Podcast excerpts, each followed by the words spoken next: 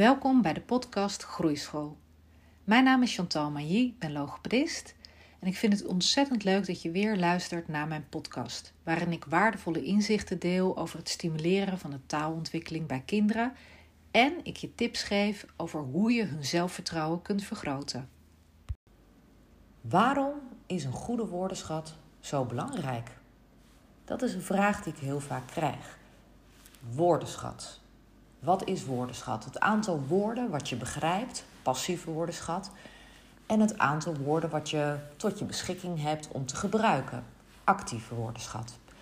En ja, de grootte van die woordenschat is belangrijk, omdat dat ook invloed heeft op hoe een kind of hoe een volwassene zich eh, kan uiten, de wereld om zich heen kan begrijpen, maar ook voor de prestaties op school, in de communicatie met anderen, op het werk.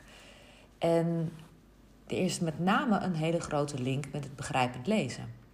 Want een kind kan een tekst pas goed begrijpen wanneer hij of zij ongeveer 95% van de, procent van de woorden kent.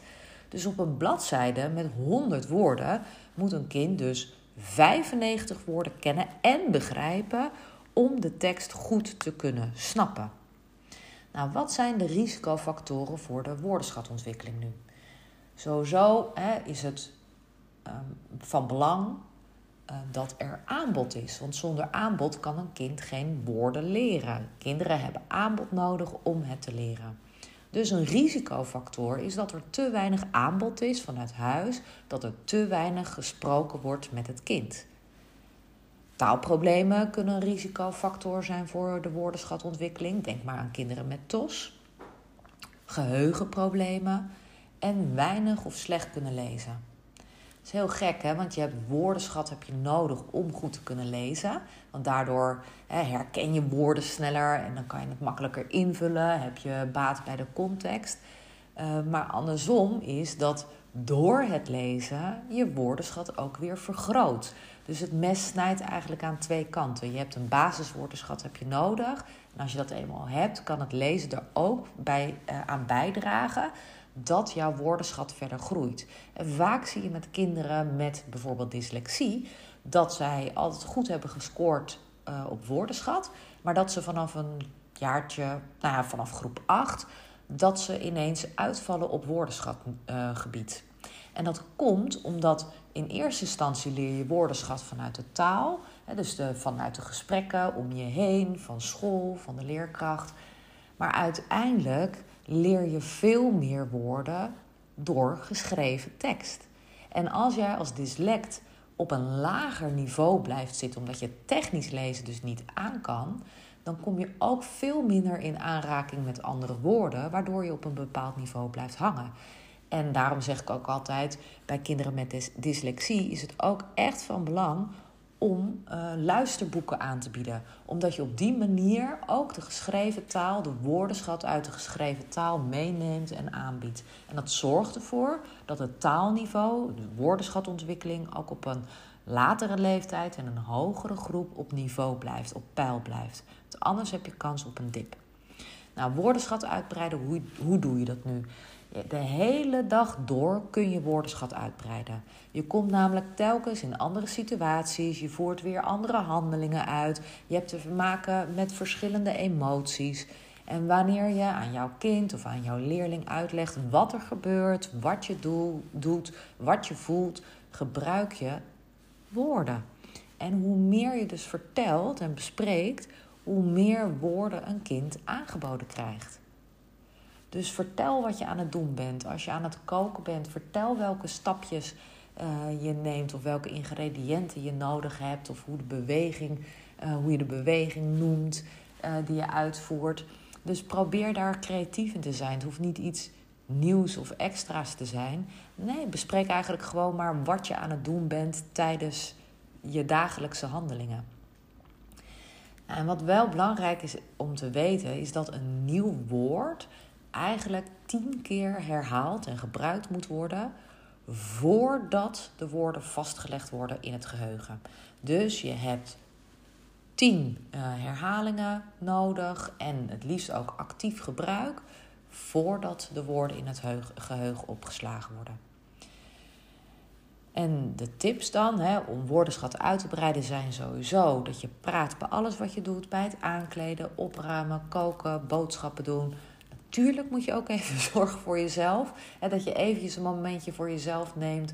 Ook goed voor jezelf zorgt. Maar verder is het heel erg fijn als je uh, samen met je kind bent. Uh, en dan benoemt wat je aan het doen bent. Daar leren ze veel van. En het zijn ook nog eens handelingen die vaker terugkomen. Dus je gebruikt de woorden die je opnoemt, of de zinnen die je gebruikt, gebruik je vaker. Dus je komt automatisch aan die uh, hoeveelheid van herhalingen.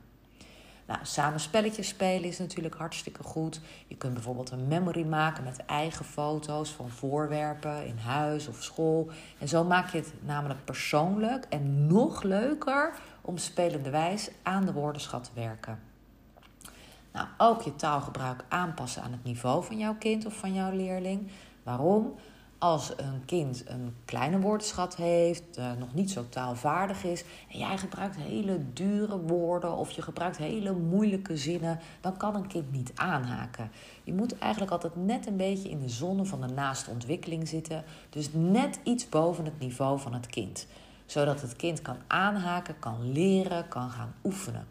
Want wanneer het risico is, wanneer je eigenlijk een te hoog taalniveau aanbiedt, dat het kind denkt, ja, laat maar zitten, kan het toch niet, en dan de oefenmomenten mist.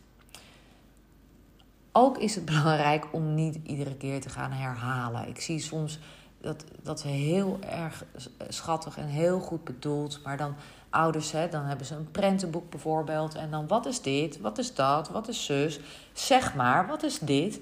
En dat is iedere keer moet een, wordt een kind dan eigenlijk gedwongen om bepaalde woorden te gebruiken, bepaalde plaatjes dan te benoemen. En uh, ja, eigenlijk kan je daarmee het averechts effect mee.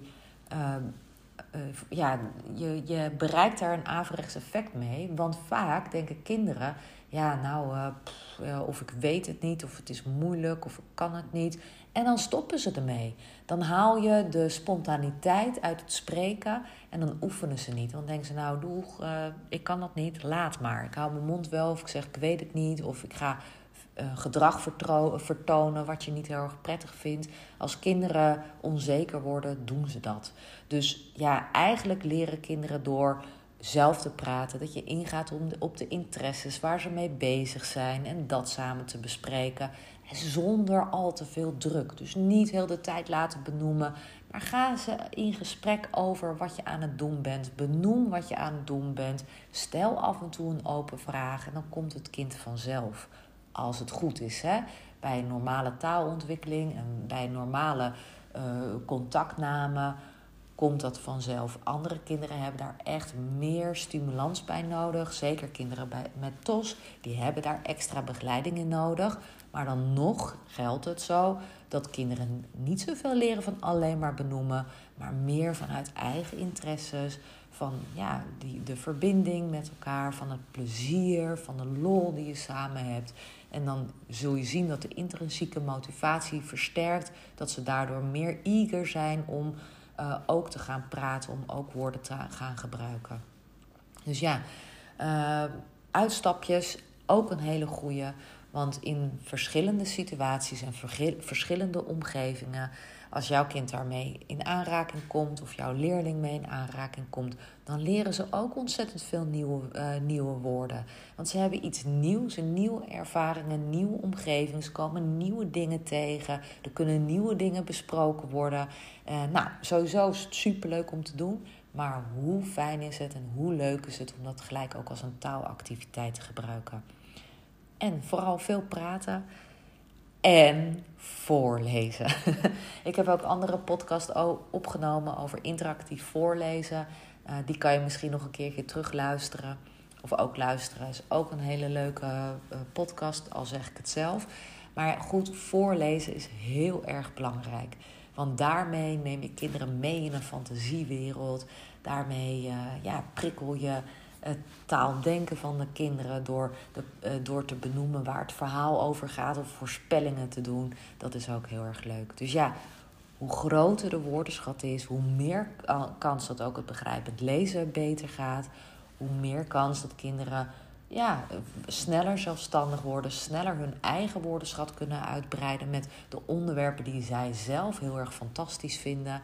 En ja, dat wil je. Kinderen moeten gewoon vanuit zichzelf willen leren, vanuit zichzelf willen ontdekken. En jij mag daarin sturen, in coachen, in begeleiden. Uh, maar volg vooral de interesses en bouw aan die woordenschat. Want als je aan het bouwen bent aan de woordenschat, dan ben je ook aan het bouwen voor een goede toekomst. Want zonder leesbegrip, zonder begrijpend lezen, komen we niet zo ver. Dus ik hoop dat je er iets aan hebt. Mocht je vragen hebben, mag je me natuurlijk altijd even een berichtje sturen naar chantal.groeischool.nl of een berichtje achterlaten op een van mijn socials. Vind ik hartstikke leuk. En uh, ga lekker aan de slag en geniet. Dat is het allerbelangrijkste. Doeg! Dankjewel voor het luisteren. Nog even kort een paar belangrijke dingen.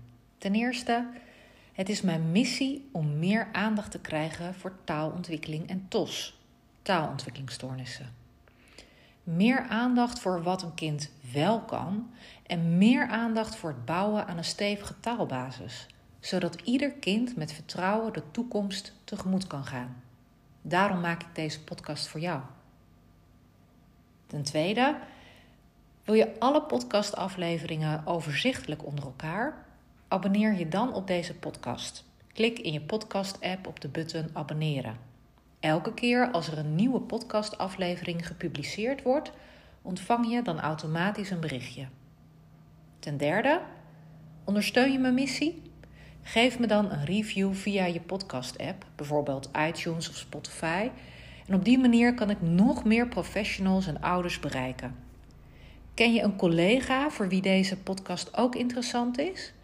Dan zou het super zijn als je hem of haar de podcastaflevering doorstuurt.